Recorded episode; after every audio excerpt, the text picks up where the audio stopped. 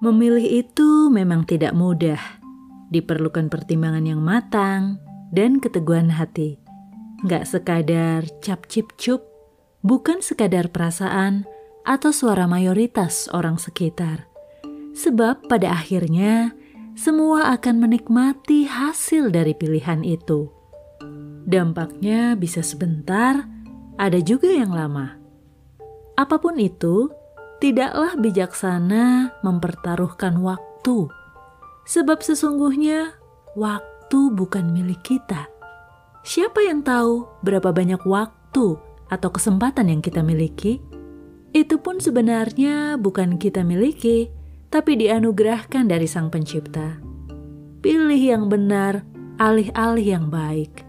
Yang kita jalani hari ini akibat dari yang kita pilih di masa lalu. Dan wujud masa depan kita adalah dari apa yang kita pilih hari ini.